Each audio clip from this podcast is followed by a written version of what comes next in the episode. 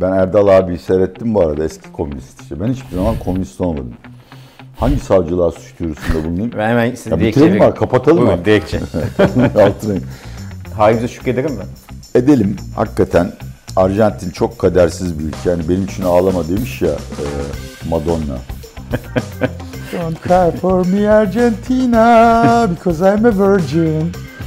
Ya döviz euro, euro band. Ama yani döviz mevduattan para kazanamazsınız.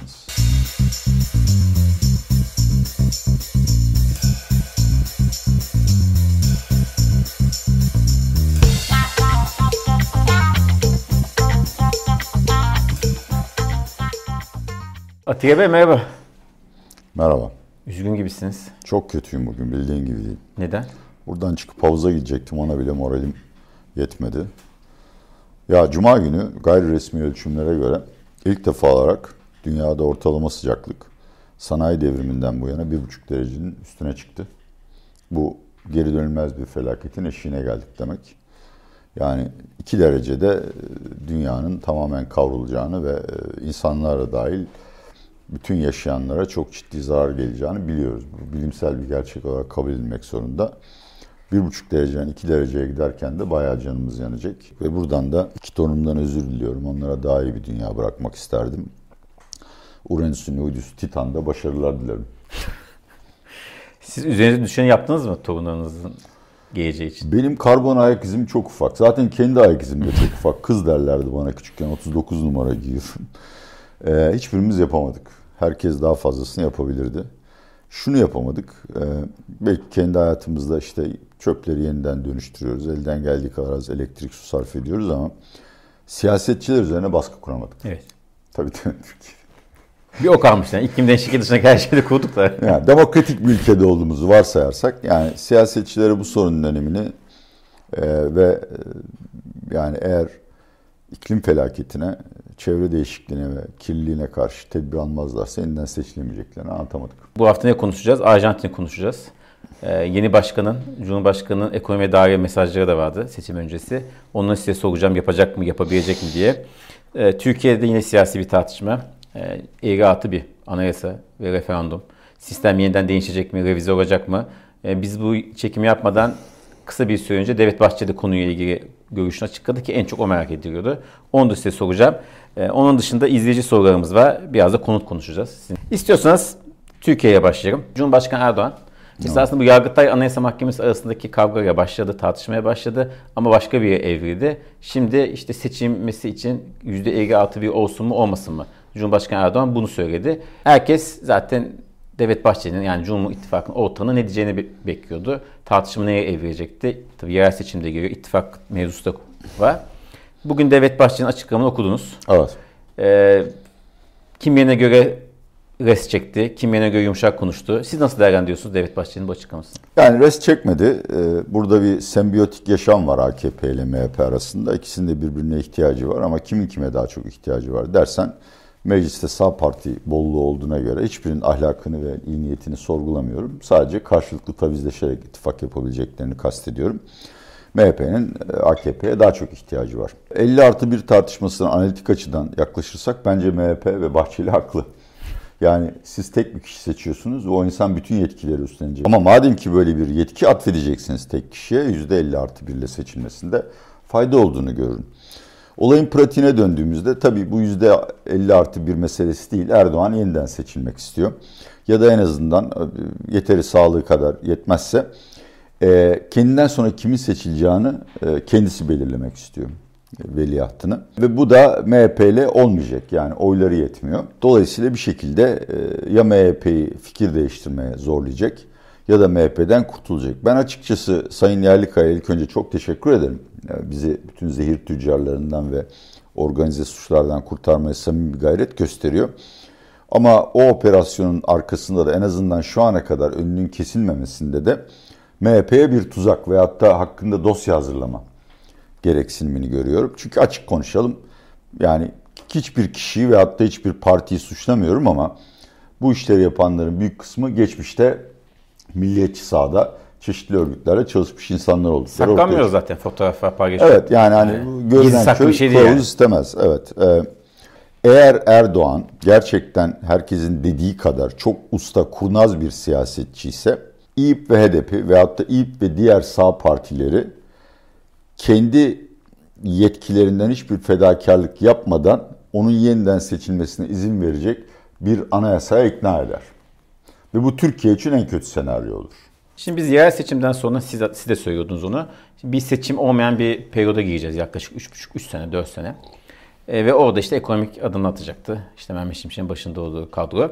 Sonuçta bir sandık ihtimali devam ediyor. O tamam. zaman bu planların değiştiğini mi gösteriyor ekonomide de? Evet. Bu acı, yani acı reçeteyi içirecekler ve fakire içirecekler. Kusura bakmasınlar. Bu hep sistem böyle çalışıyor. Zengine içirirsen sorunları çözemez. Halkın %70 fakirse istediğin gibi ekonomiyi soğutabilmek için onları daha fakirleştirmek şart. Ee, tamam. Bu da bir soru birkaç soru sormak istiyorum. Evet. Şimdi e, Erdal Sargan bizim yayınımızda söyledi cumartesi günü. E, işte İTO Başkanı'nın e, açıklaması ve Mehmet Şimşek'in de açıklama vardı öncesinde zaten. Ücret zamlarının düşük olması, enflasyon, beklenen enflasyona göre yapılması. Şimdi bu seçimden önce muhalefetin ve iktidarın da seçim kampanyasının ekonomi, kamp, ekonomi politikanın en önemli argü tartışmalarından birisiydi. Bu bedeli kim ödeyecek? Bu enkazı kimin sırtına yüklenecek? Şimdi gerçekten enflasyonla mücadele etmek için toplumu geniş ama daha düşük geliri insanlarına mı yönelmek lazım? Yoksa daha zengin özellikle son dönemde servis sahibi olmuş insanların ve ekstra vergi ve benzeri politikalarla enflasyonu düşürmek mümkün mü? Mümkün değil. Tabii ki yük çok daha adil dağıtılabilir. Niye mümkün değil? Çünkü dediğim gibi halkın yani hane halkları tek kişi gelir kazanıyorsa en az yüzde kırkı belki yüzde ellisi asgari ücret seviyesinde. Ve talep bunlardan geliyor. Bunlar harcama iştahı yüzde yüz olanlar. Siz bu tek kesimin tüketimini kesemezsiniz. Diğer yüzde on, yüzde yirminin tüketimini kesmeniz ekonomi sorunlarını çözmüyor. Ortada bir sorun daha var. İnsanlara kısa vadeli çok acılı bir reçetenin bundan sonra kalıcı olarak refah sağlayabileceğini anlatmak zorundasınız. Aksi halde yükü dağıtmanız da fark, fark etmiyor.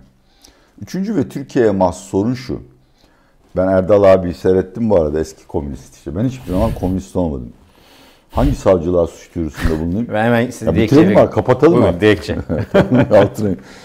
Erdal abiyi çok seviyorum. Hiç kaçırmam. Bu arada herkese de öneririm. Muhakkak izleyin. Ankara'yı en iyi bilen e, bence şu andaki e, muhabir, gazeteci. Ya yapamıyorsun. Yani bir şekilde zengin kaçırıyor. Zengin dediğin adam zaten buzdağının ucundaki servetini Türkiye'de bırakmış, %90'ını yurt dışına kaçırmış. Ya da çok beğenmezse vergi arbitrajı yapmak için gidiyor Fransa'ya yerleşiyor. Açıkçası bu kapitalist sistemin en temel sorunlarından biri. Parayı basan düdüğü çalıyor. Dolayısıyla hiçbir şey elde edemez. Yani yükleyeceksiniz daha ücretin üstüne. Diyecek, ve ama şuna, şuna insanları ikna edeceksin ve bu konuda samimi bir çaba gösterir. Tamam sen 6 ay hakikaten çok zor bir dönem geçireceksin anlıyorum. Ama bu şekilde hiçbir yere varmıyoruz. Ebediyen kanserle yaşıyorsun. Çünkü sana sene başında %60 zam yaptım. O ay gidip et alıyorsun evine. Çoluğuna çocuğuna bir şey alıyorsun. Bir ay sonra enflasyon bütün onu geri, geri süpürüyor. İşte e, beklenti enflasyonu dedikleri bu. Ya kardeşim sene başında benim bütün vergilerime yeniden değerleme oranı %64 civarında zam gelecek. Tamam mı? Maaşıma da emekli olarak %50 zam gelecek. Benim enflasyon beklentilerim nasıl şekillenir? Yani %50 civarında enflasyon beklerim. Ve eğer gücüm kudretim varsa kendi elde edeceğim geliri de %50 en az %50 arttırma. E, bu böyle bir devri daim makinesi ve kısır döngü olarak devam ediyor. Bunu kırmanın tek yolu maalesef toplumun hepsini acı çektirmek. Ha bunu hallettikten sonra e, ondan sonra yapısal reformlara geçip mesela vergi sistemi tamamen revize edilmek zorunda. Çünkü verginin %60'ı dolaylı vergiler. Bunlar da fakire ezen vergiler. Bunun gelir servet vergisine ve kurumlar vergisine dönüştürmesi lazım. Onun hesabı sonra görülür. Asgari ücreti ve emekli maaşı zamlarını düşük tutar. Evet. Hakikaten hedeflenen. Arkasından da bu zaten baştan itibaren yapılmalıydı. Sayın Tansu Çiller zamanında yapıldığı gibi bankalara aktif vergisi koyun. Zaten kurumlara cezayı kestiler. Deprem vergisi adında bir 100 milyar topladılar evet. ama daha da fazla toplasınlar. Bu şeyim yok. Ayrıca şunu da unutmayın. Bir, bir Erdal abinin söylediği bir şeye de katılmıyorum. Bankalar ve şirketler cirodan kar yazdılar diye. Onlar 2023 bilançolarını enflasyona ayarlanmış olarak gönderecekler. Ve yazdıkları karların hepsini devlet geri alacak onlardan. Bu uzun bir tartışma. Belki bir gün Erdal Bey sizi karşılıklı kavga edeceğiz. Ya buraya geliyorsun altında Porsche Jeep var. Bana burada fakirlik, delikanlı muhabbeti yapıyorsun yani. Etiler'de geziyorsun, Sarıyer'de üttürüyorsun yani. Allah Allah. Bu arada Güzel ben de bir ricam olacak. Evet. Lütfen kedi mamasında KDV'yi indirin. Nonoş'la Minnoş aç kaldı. Şimdi eleştiri gelecek hayvan sen. Bize hedefe koyuyorsunuz. Atilla Bey. Bizi gerçekten hedefe koyuyorsunuz. Sen yapay, Önce sen, sonra sen işini yapay zekaya pazarlamaya çalışıyorsun ve ben de elimden geleni ardıma koymayacağım tabii ki. Peki Arjantin'e bakıp halimize şükredelim mi? Edelim. Hakikaten Arjantin çok kadersiz bir ülke. Yani benim için ağlama demiş ya e, Madonna. Don't cry for me Argentina because I'm a virgin. Ya şu adamı getirme ya. O, ya hep bütün havayı bozuyor. Gelmesin bu çocuk.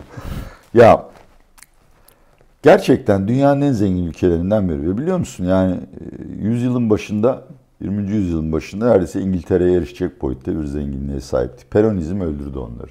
Daha doğrusu bizde nasıl sahte Atatürkçülük bu ülkeyi yani Atatürk'ü bir klişe olarak kabul edip e, onun mesajına değil, ideallerine değil, yaptıklarına sahip çıkan bir anlayış var ya Türkiye'yi 20 yıl geri götürdü. Arjantin'de de işte Peron çok büyük bir liderdi öldürüldü. Ama onun arkasından gelenler işin suyunu çıkardılar. Neyse geldiğimiz noktada Milley'nin seçilmesi maalesef Trump'la iyice belirginleşen, daha önce de örnekleri vardı. Halkın acı reçete yerine mavi hapı alıp bu işten kurtul. Yani şu hapı al yarın sabah bütün sancıların geçer popülizmine çok yatkın olduğunu gösteriyor. Ve hiçbir yere de varamayacak. Yani söyledikleri o kadar mantıksız ki bir tek örnek vereyim çok uzatmayayım. Pezoyu bırakıp dolarla ekonomiyi yönetmek bu zamanında bize önerilen para kurulu reçetesidir. Yani ülkenin kasasında ne kadar euro varsa o kadar TL basın ve bu ekonomiyi felakete götürür. Yani bir sene yüzde yirmi büyür, bir sene yüzde kırk küçülür ekonomi. Ama dediğim gibi yani o belki Trump da yeniden seçilecek. Ee, gerçekten insanların sisteme ve hızlı teknolojik değişimin ya da bütün bu sermaye sınıfının onlara yaptıkları zulme karşı çok büyük bir tepkisi var ama bunu yanlış yerlerde gösteriyorlar. Türkiye'de de aslında bu oluyor ama hakikaten bu konuda Erdoğan'ın propaganda gücüne ya da e, siyaset gücüne takdirlerimi sunmak zorundayım. Çünkü Erdoğan 20 yıldır iktidarda, 20 yıldır muhalifmiş gibi söylemlerle geliyor.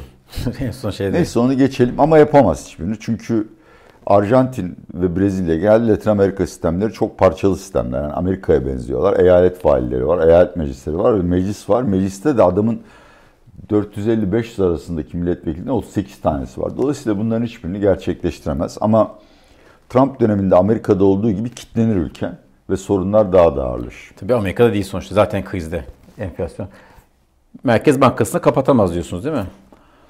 Yok yani bütün bunların hepsini e, başkanlık etkileriyle yapılacak işler değil bunlar. Hepsinin meclisten geçmesi. Arkasında orada da bir mahkeme sistemi var ve Latin Amerika mahkemeleri yani Türkiye'ye nazaran tabii Somaliland mahkemesi de daha iyi çalışıyor. Ya, neyse o başka bir konu. Lütfen. Hedefe koymayın. Şimdi Atilla Bey. Bir konut. Uzmanlığınız konut. Bir izleyici, izleyicimiz demiş ki Bey konut fiyatı düşecek dedi. Konut almadım. Şimdi kâra çıkamıyorum. Bir odası varsa geleyim demiş. Zaten maksat oydu. Burayı ben Airbnb Airbnb. yaptım. Ee, bayağı yukarıda üniversite var. Oradan bayağı para kazanıyoruz. Ya arkadaşlar yani artık bu konuda hep aynı şeyleri söylemekten sıkıldım. Veriler de beni teyit ediyor. Konut satışları düşüyor.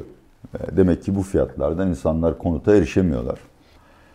İpotekli satışlar bitti. Gelecek sene daha da yüksek olacak faizler. Yabancılar da almıyor artık.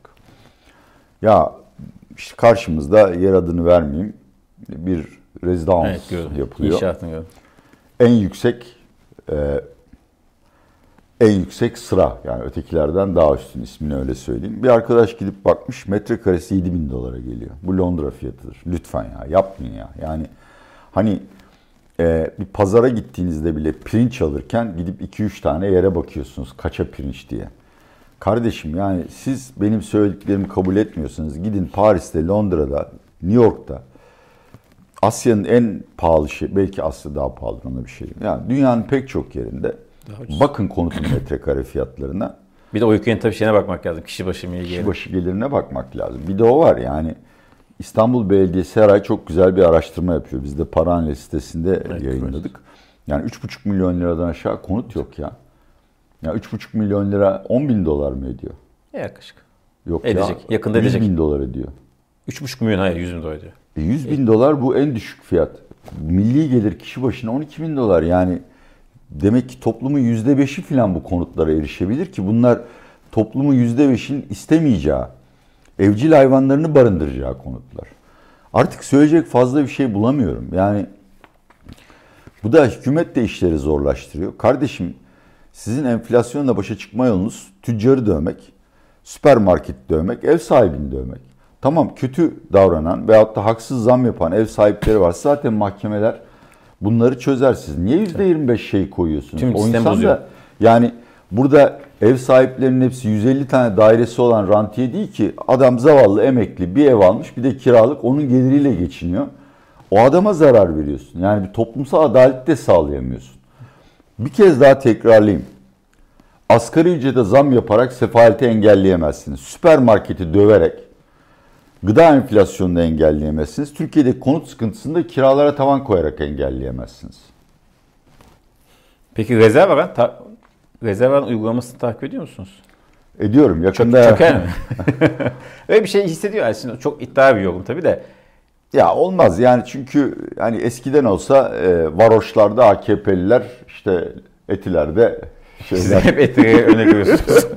Yine hedef gösterme. Ama şimdi artık yayıldı yani Türkiye'nin her yerinde zengin Tabii, sınıfın tabii, tabii. belli bir siyasi ideolojisi yok. Dolayısıyla böyle bir şey yapılacağını zannetmiyorum. Ama şöyle de bir şey var yani Machiavelli'den beri biliyoruz devlet şeytandır. Devlete asla istediği yöne çekilebilecek yetki verilmez. Evet. Hiçbir şekilde mülkiyet hakkının gasp edilmesinin ima edileceği dahi bir yasa geçirilemez. Ve ben diyorum bence bütün AYM kavgasının arkasında yatan temel şeylerden biri onlara gözdağı vermek. Çünkü bu yasa Somaliland'da bile mahkemeden döner. Somaliland rezidanslarımızı Hemen karşıda. çok ucuz. 100 bin Somali doları. Şimdi soruya geç, geçiyoruz. İzleyeceğimizden gelen. Böyle daha tık tık tık tık yaparım. Vakt, vaktimiz doğdu çünkü. E sonra fazla istiyorsunuz. Sonra Abi, ekstra ücret istiyorsunuz. Terbiyesizliğe bak ya. Sonra ekstra ücret istiyorsunuz Atilla Bey. Kesin yapay. Bak gülme yani senin de başına gelecek. Sırada sen varsa ondan içine bir çip takacaklar. Hiç kamera mamera yapım mapım palavra. Şimdi- Emekçiler birleşin direnin. Şimdi 2024'te faizler uzun süre sabit kalır mı Türkiye'de? Kalmaz. Yani yukarı mı aşağıya? Soru şu. Acı reçeteyi damardan mı şirdenden mi verecekler?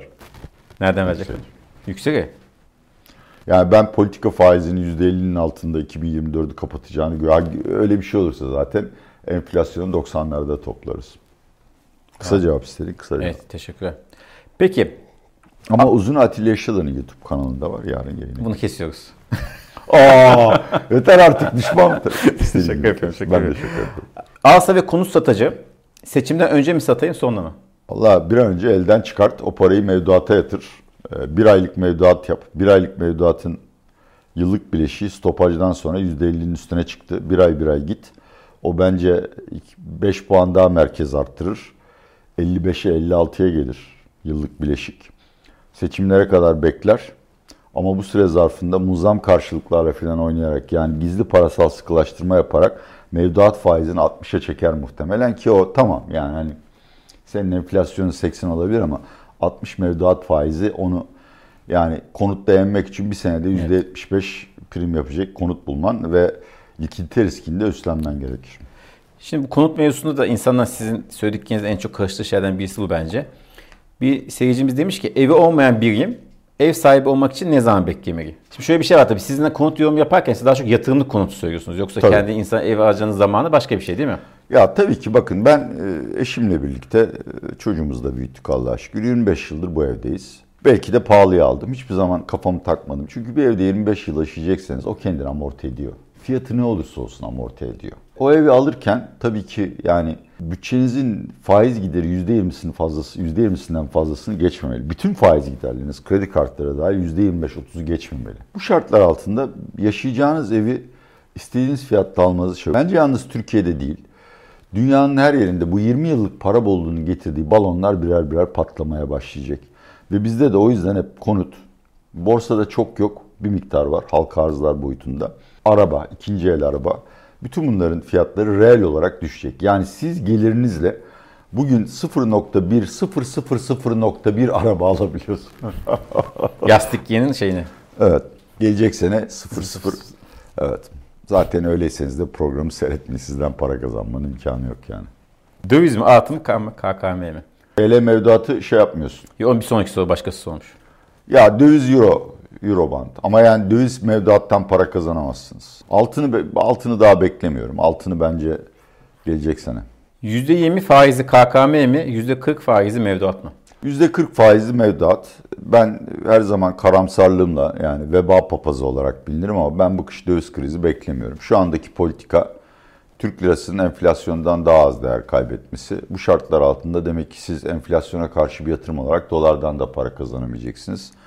Türk lirasında bir miktar değer kaybettiği için tabii ki geliriniz, reel servetiniz aşınır ama %50 faiz de küçümsenecek bir şey değil. Son soru. Biraz ciddi bir soru bu. 10 ve 7 yaşında iki çocuğum var. Ne laf sokuyor ya. Allah'ım ya Rabbi. Çocuklar mevzu bahis olduğu için. Sizin hassasiyetiniz var. Neyin mevzu bahis olduğunu göreceğiz. Ben Erdal abiyle bir araya gelip söyle. 10 ve 7 yaşında iki çocuğum var. Gelecekleri için eğitim haricinde nasıl bir birikim yatırım yapmalıyım? Yine sponsora çalışıyoruz diyeceksiniz ama yabancı dil ya. Gerçekten sponsor yok bu arada. Evet, bu arada yok sponsorumuz. Yabancı dil ve bence buna da gülecekler ama spor yaptırın. Spor yaptırın. Çünkü o çocuklar muhtemelen 100 yaşına kadar yaşayacaklar. Ee, ve 60-70 yaşından sonra üretebilen, sağlıklı, kendi işini görebilen, hala kafası çalışan bireyler istiyorsanız çok küçük yaştan spora başlatın. Bu ya da işte benim gibi olursunuz. Çok gayet iyisiniz maşallah. Ee, Adam maşallah.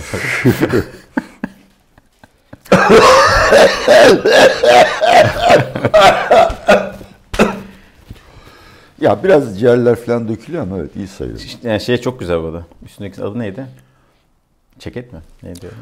Bu yelek olmuyor Yelek, muydu? yelek, doğru, Red yelek. Kit'ten öğrendim ben de. Cumhurbaşkanımız Erdoğan da çok tercih eder kışın. Zaten birkaç defa yazıp o bir şey var, bir web sitesi var yazıyorsun. Cimel. Şeyin tersinin ismini istedim. Tersisiyle astroloğun ismini istedim cevap gelmedi. Üzgünüm yani. Ate Bey çok teşekkür ederiz. Bu haftanın da sonuna geldik. Her şeyi konuştuk.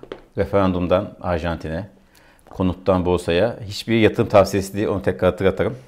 Ee, Bunları sadece genel yorum olarak e, söylüyoruz diyelim ve teşekkür ederim. Çok sağ olun.